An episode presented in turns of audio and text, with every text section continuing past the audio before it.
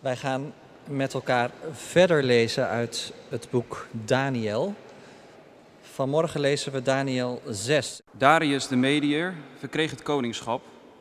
Hij was toen 62 jaar. Darius ging ertoe over 120 satrapen over het gehele koninkrijk aan te stellen. Boven hen stelde hij drie rijksbestuurders, aan van wie Daniel er één was. Aan hem moesten de satrapen rekeningschap afleggen, opdat de koning geen schade zou lijden. Daniel nu onderscheidde zich van de rijksbestuurders en de satrapen door zijn buitengewone begaafdheid. De koning overwoog zelfs hem over het hele koninkrijk aan te stellen. Daarom probeerden de rijksbestuurders en satrapen in Daniels bewind iets te vinden om hem voor aan te klagen. Maar ze konden geen grond voor een aanklacht vinden of hem op een misstap betrappen, want hij was betrouwbaar en hij had nooit zijn plicht verzuimd of een misstap begaan. Toen zeiden die mannen, met geen mogelijkheid kunnen wij deze Daniel aanklagen, tenzij we iets zoeken dat verband houdt met de wet van zijn God. Daarop richtten de rijksbestuurders en satrapen zich tot de koning met een dringend verzoek. Koning Darius, leef in eeuwigheid. Alle rijksbestuurders van het koninkrijk, stadhouders en satrapen, raadsheren en gouverneurs zijn van mening dat er een koninklijk besluit moet worden uitgevaardigd waarin wordt vastgelegd dat een ieder die de komende dertig dagen een verzoek tot een god of een mens richt in plaats van tot u, majesteit, in de leeuwenkuil zal worden geworpen.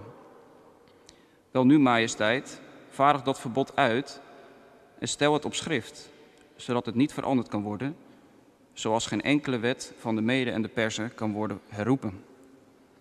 Hierop stelde koning Darius het verbod op schrift. Toen Daniel hoorde van het besluit dat op schrift gesteld was, ging hij naar zijn huis. In zijn bovenvertrek had hij in de richting van Jeruzalem open vensters. Daar knielde hij neer, bad tot zijn God en prees hem, precies zoals driemaal per dag zijn gewoonte was. Maar toen drongen de mannen zijn huis binnen en troffen Daniel aan terwijl hij tot zijn God bad en hem prees. Ze gingen onmiddellijk naar de koning en wezen hem op het koninklijk besluit.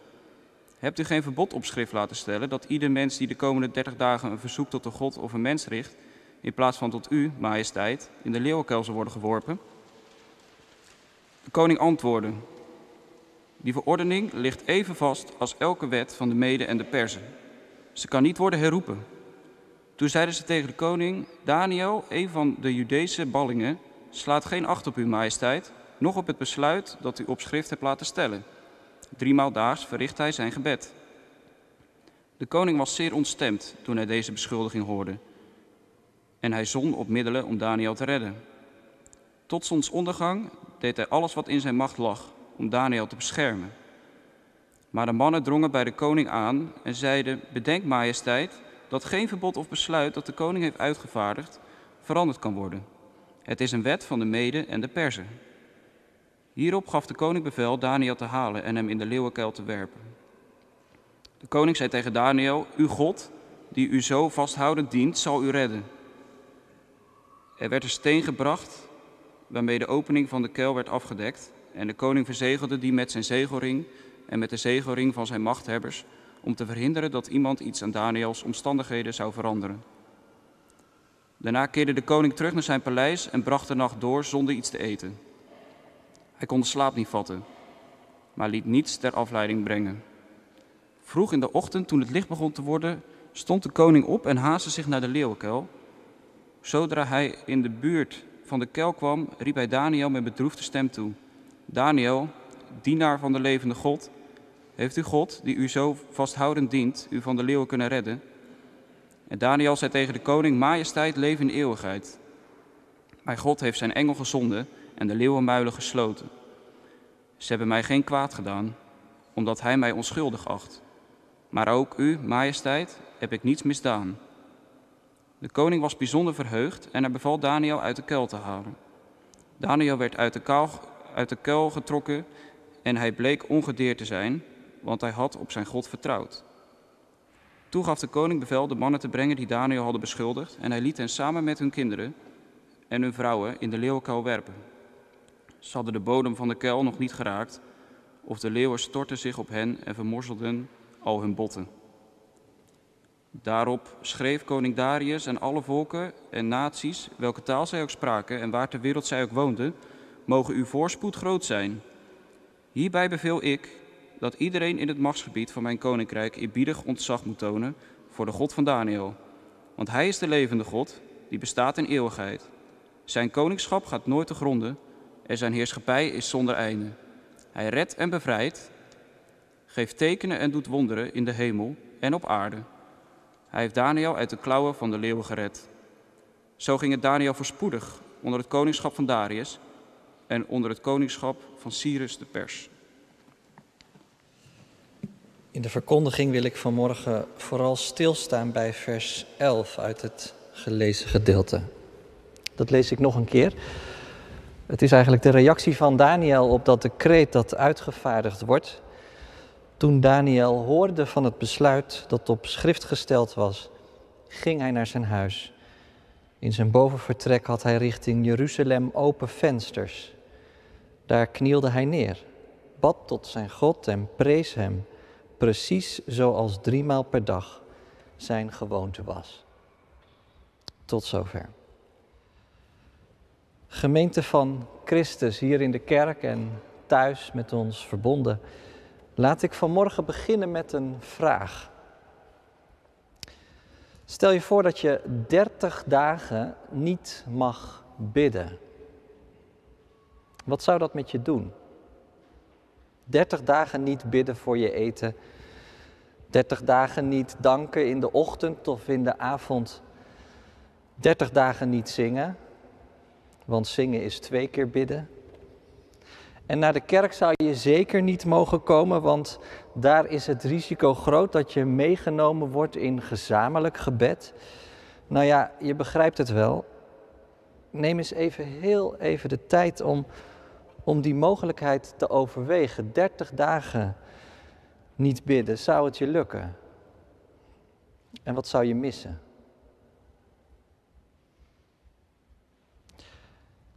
Kijk, voor sommige mensen is bidden net als ademhalen.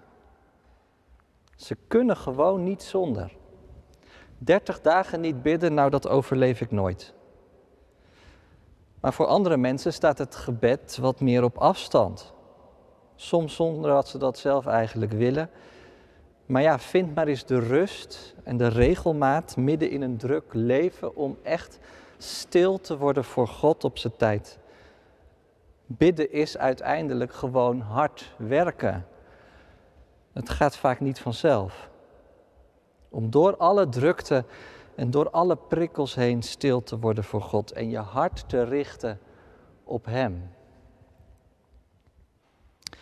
Nou, vanmorgen zien we Daniel bidden. Hij deed het altijd al, drie keer per dag. En op een heel specifieke plaats, in een bovenkamer op de hoek van zijn platte dak. En als Daniel dan 30 dagen niet kan, nee zelfs niet mag bidden, dan doet hij het toch. Want hij kan niet zonder.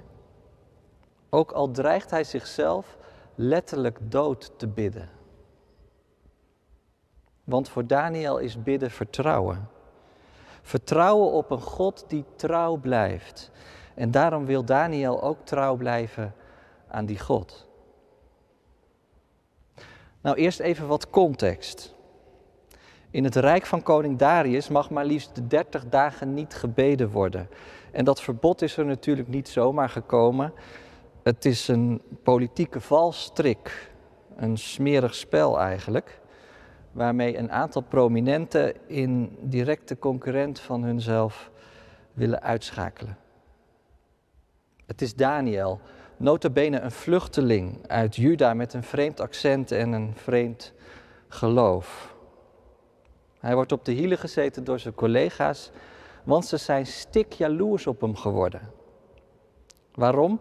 Nou, omdat notabene hij het tot onderkoning van het rijk dreigt te schoppen. En dat heeft hij aan zijn eigen gedrag te danken. Dat was eerder in het boek Daniel al duidelijk geworden. In hoofdstuk 5 lees je dat bijvoorbeeld. Daniel beschikt over een geest van veel verstand, van inzicht en van wijsheid. En dat maakt hem door en door betrouwbaar. Als je Daniel in één woord moet samenvatten, dan zeg je dit: Daniel is betrouwbaar. En daarom de perfecte tweede man. Iemand die de koning, Darius, heel veel werk uit handen kan nemen. En van wie de koning ook geen staatsgreep of koep te verwachten heeft. Dus Darius, en dat wordt wel duidelijk uit dit stuk, houdt van Daniel. Om wie hij is. Hij is onder de indruk van zijn persoonlijkheid, maar hij houdt ook van Daniel omdat hij is gaan houden van, van die gelovige Daniel. Hij is onder de indruk gekomen van zijn geloof. En dat is heel anders dan die andere bestuurders. Want die zijn uit heel ander hout gesneden. Als ze horen dat de koning van plan is om Daniel te promoveren, dan, dan komen zij meteen in actie. En dan gaan ze nadenken, hoe kunnen we hem zo snel mogelijk uit de weg ruimen? Dat valt natuurlijk nog niet mee met iemand die zo'n karakter heeft. Dat snap je wel, maar na veel wikken en wegen vinden ze toch een plan. Dat even slim als snoot is. Ze hebben Daniel leren kennen als iemand die volgens de wetten van zijn God wil leven. En, en vervolgens denken we als we die wetten van God nou eens uitspelen tegen de wetten van het Rijk. De wetten van de Mede en de Persen. Het zou wel eens een hele goede manier kunnen zijn om hem schaakmat te zetten. En zo wordt er een decreet uitgevaardigd. Wie de komende dertig dagen een verzoek aan een god of mens verzoekt, in plaats van aan de koning, die wordt in de leeuwenkuil geworpen. Het gaat hier dus ten diepste om loyaliteit. Ben je loyaal aan de zaak van God? Of ben je loyaal aan de zaak van de wereld? En dat is een belangrijke vraag die wij vanochtend onszelf ook mogen stellen. We hebben net het gebod van God gehoord uit Romeinen 12.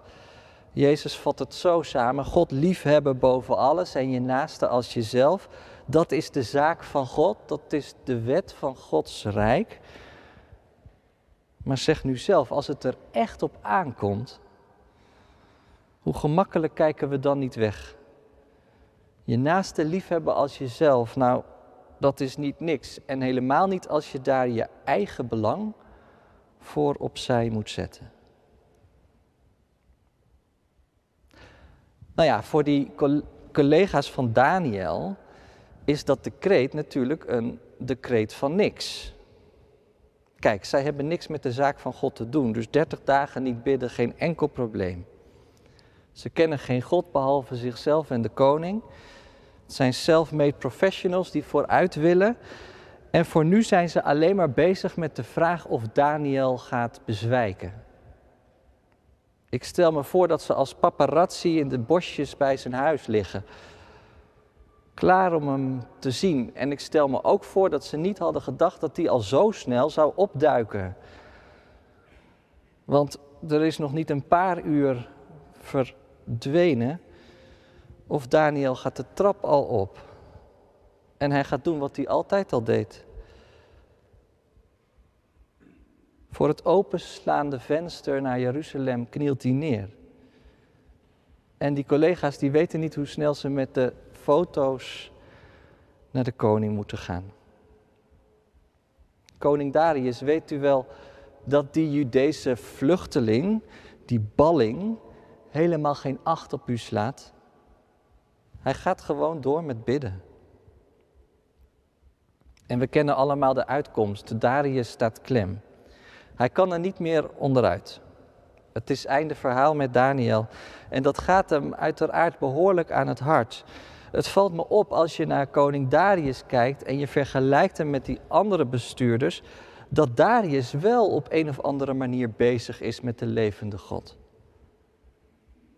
Het lijkt zelfs wel alsof hij de mogelijkheid van een wonder openhoudt. Hij moet Daniel inderdaad in de kuil van de leeuwen gooien. Maar wat zegt hij dan? Daniel, mogen jouw God je redden.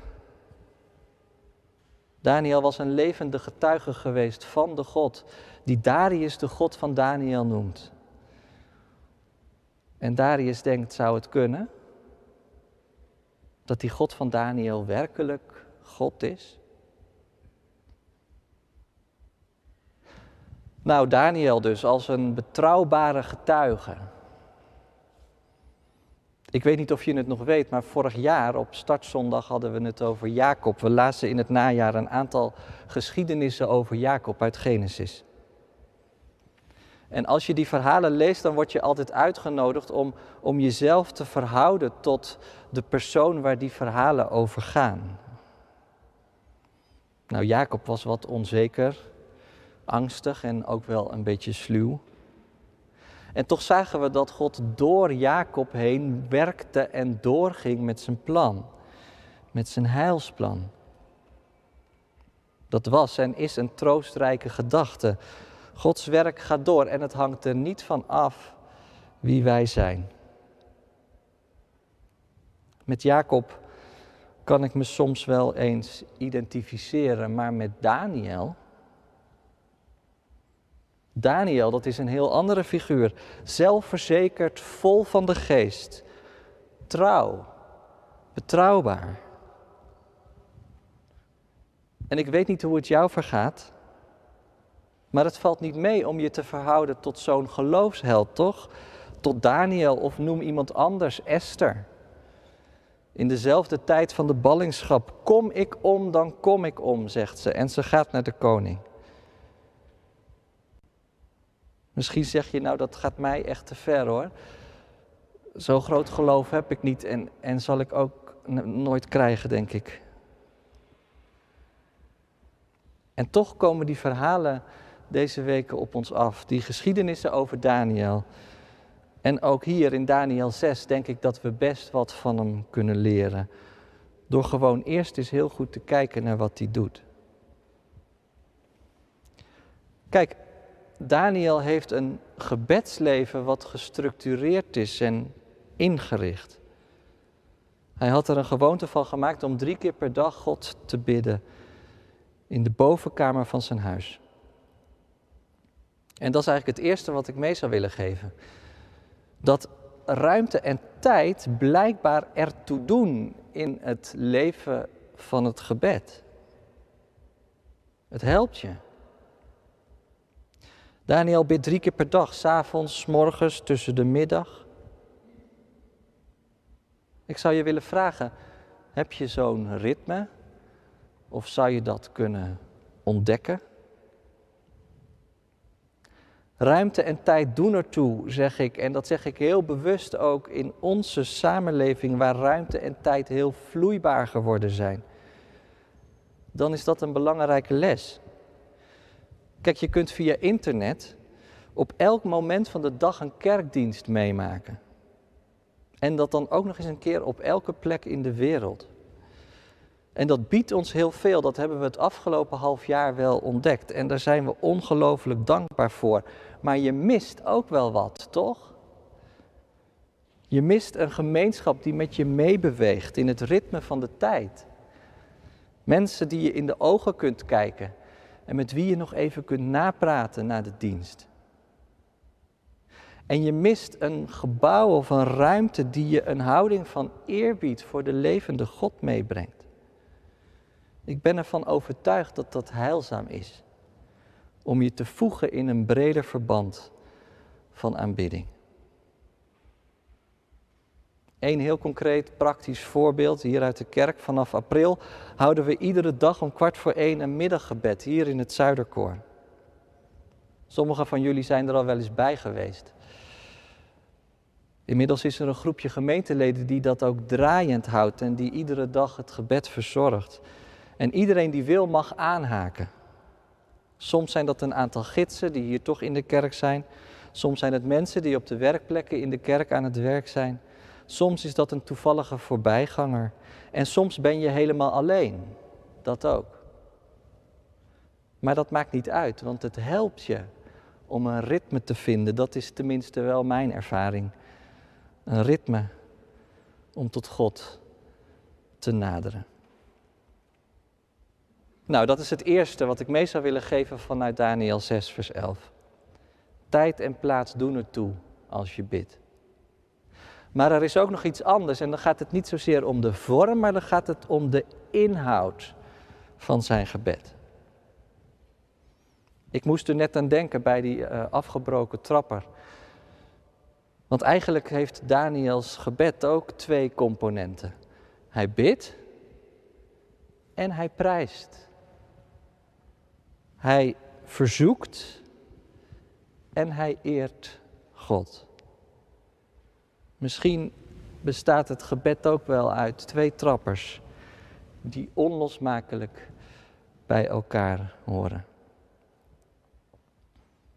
Als je in vers 14 kijkt, dan zie je dat die, die concurrenten van Daniel eigenlijk helemaal niet goed begrijpen wat hij op het dak in die bovenkamer aan het doen is. Want zij zien bidden eigenlijk alleen als het verzoeken van een verzoek. Je mag de komende 30 dagen geen verzoek verzoeken aan iemand anders behalve aan de koning. Maar dat is wel een hele enge definitie van bidden, vind je niet? Dat is wel een heel eenzijdige invulling van het gebed. Als het in je gebedsleven alleen maar gaat over wat je van God wil, dan is je gebedsleven echt te mager. Want echt bidden gaat verder, dat gaat ook over prijzen. Het staat er letterlijk in vers 11. Daniel prijst God. En ik denk eigenlijk dat het godsvertrouwen van Daniel opgebouwd is doordat hij God regelmatig ging prijzen. Ik hoorde deze week iemand iets vertellen dat me trof. En het ging over zijn gebedsleven. Soms weet ik gewoon echt niet wat ik bidden moet. Juist als ik stil word van God, dan, dan komen de problemen levensgroot op me af. De problemen in de wereld, maar ook de problemen in mijn eigen hart. Een diep verlangen dat op de bodem van mijn hart ligt, waar ik eigenlijk niet meer voor durf te bidden.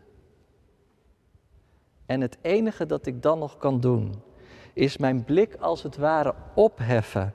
Niet langer de focus op mijzelf of op de werkelijkheid om mij heen, maar de blik alleen op God gericht.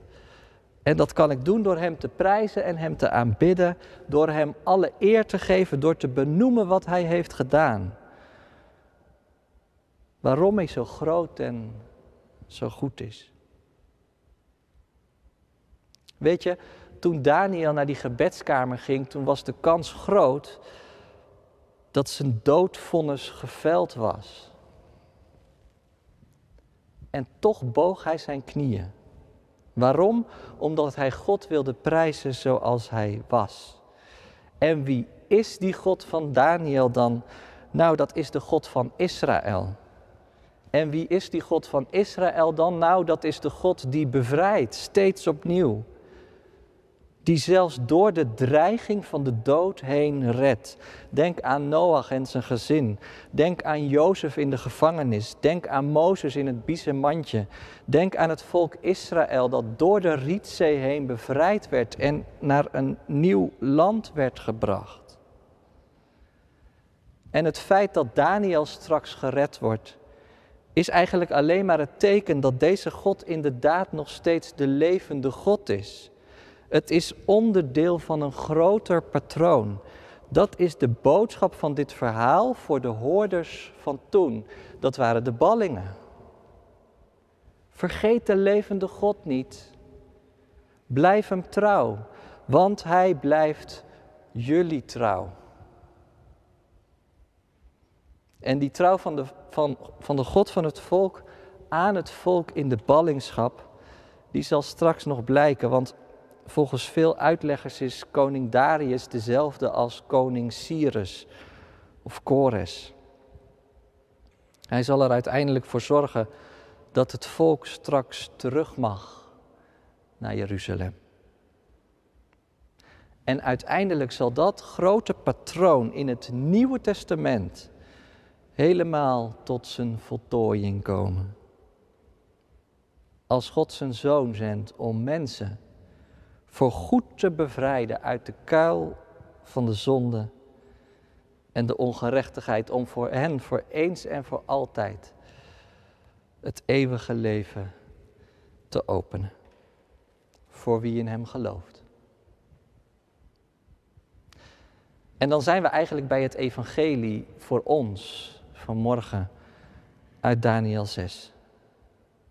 Misschien voel jij je soms net als Daniel een balling in een vreemde wereld met allerlei mensen om je heen die helemaal niks met de levende God te maken willen hebben. En vind je het ongelooflijk ingewikkeld om echt een betrouwbare getuige te zijn? Wat staat je dan te doen?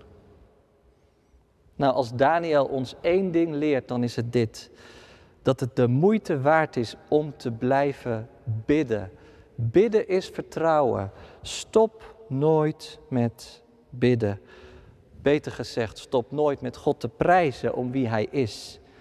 Want dan wordt dat vertrouwen gewekt door te zien op wie Hij is in Christus. Want bij Hem komen we uiteindelijk uit. Je kunt in de figuur van Daniel al wel iets herkennen in wie Christus was.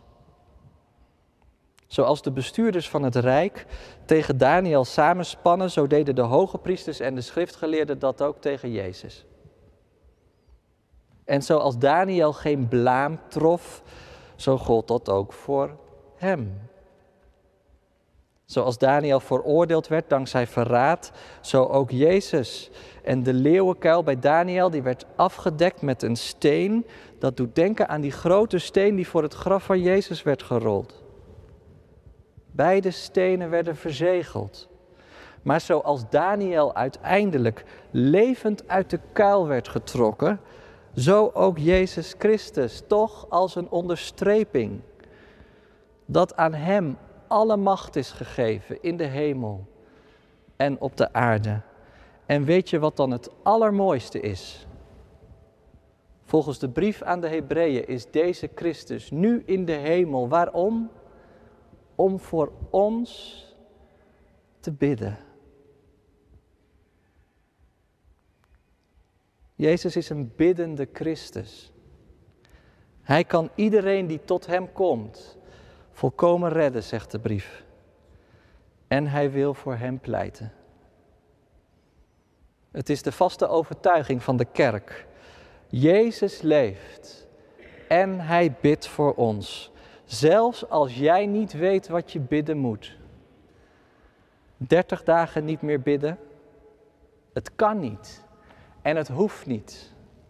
Want Hij bidt met ons mee. Amen.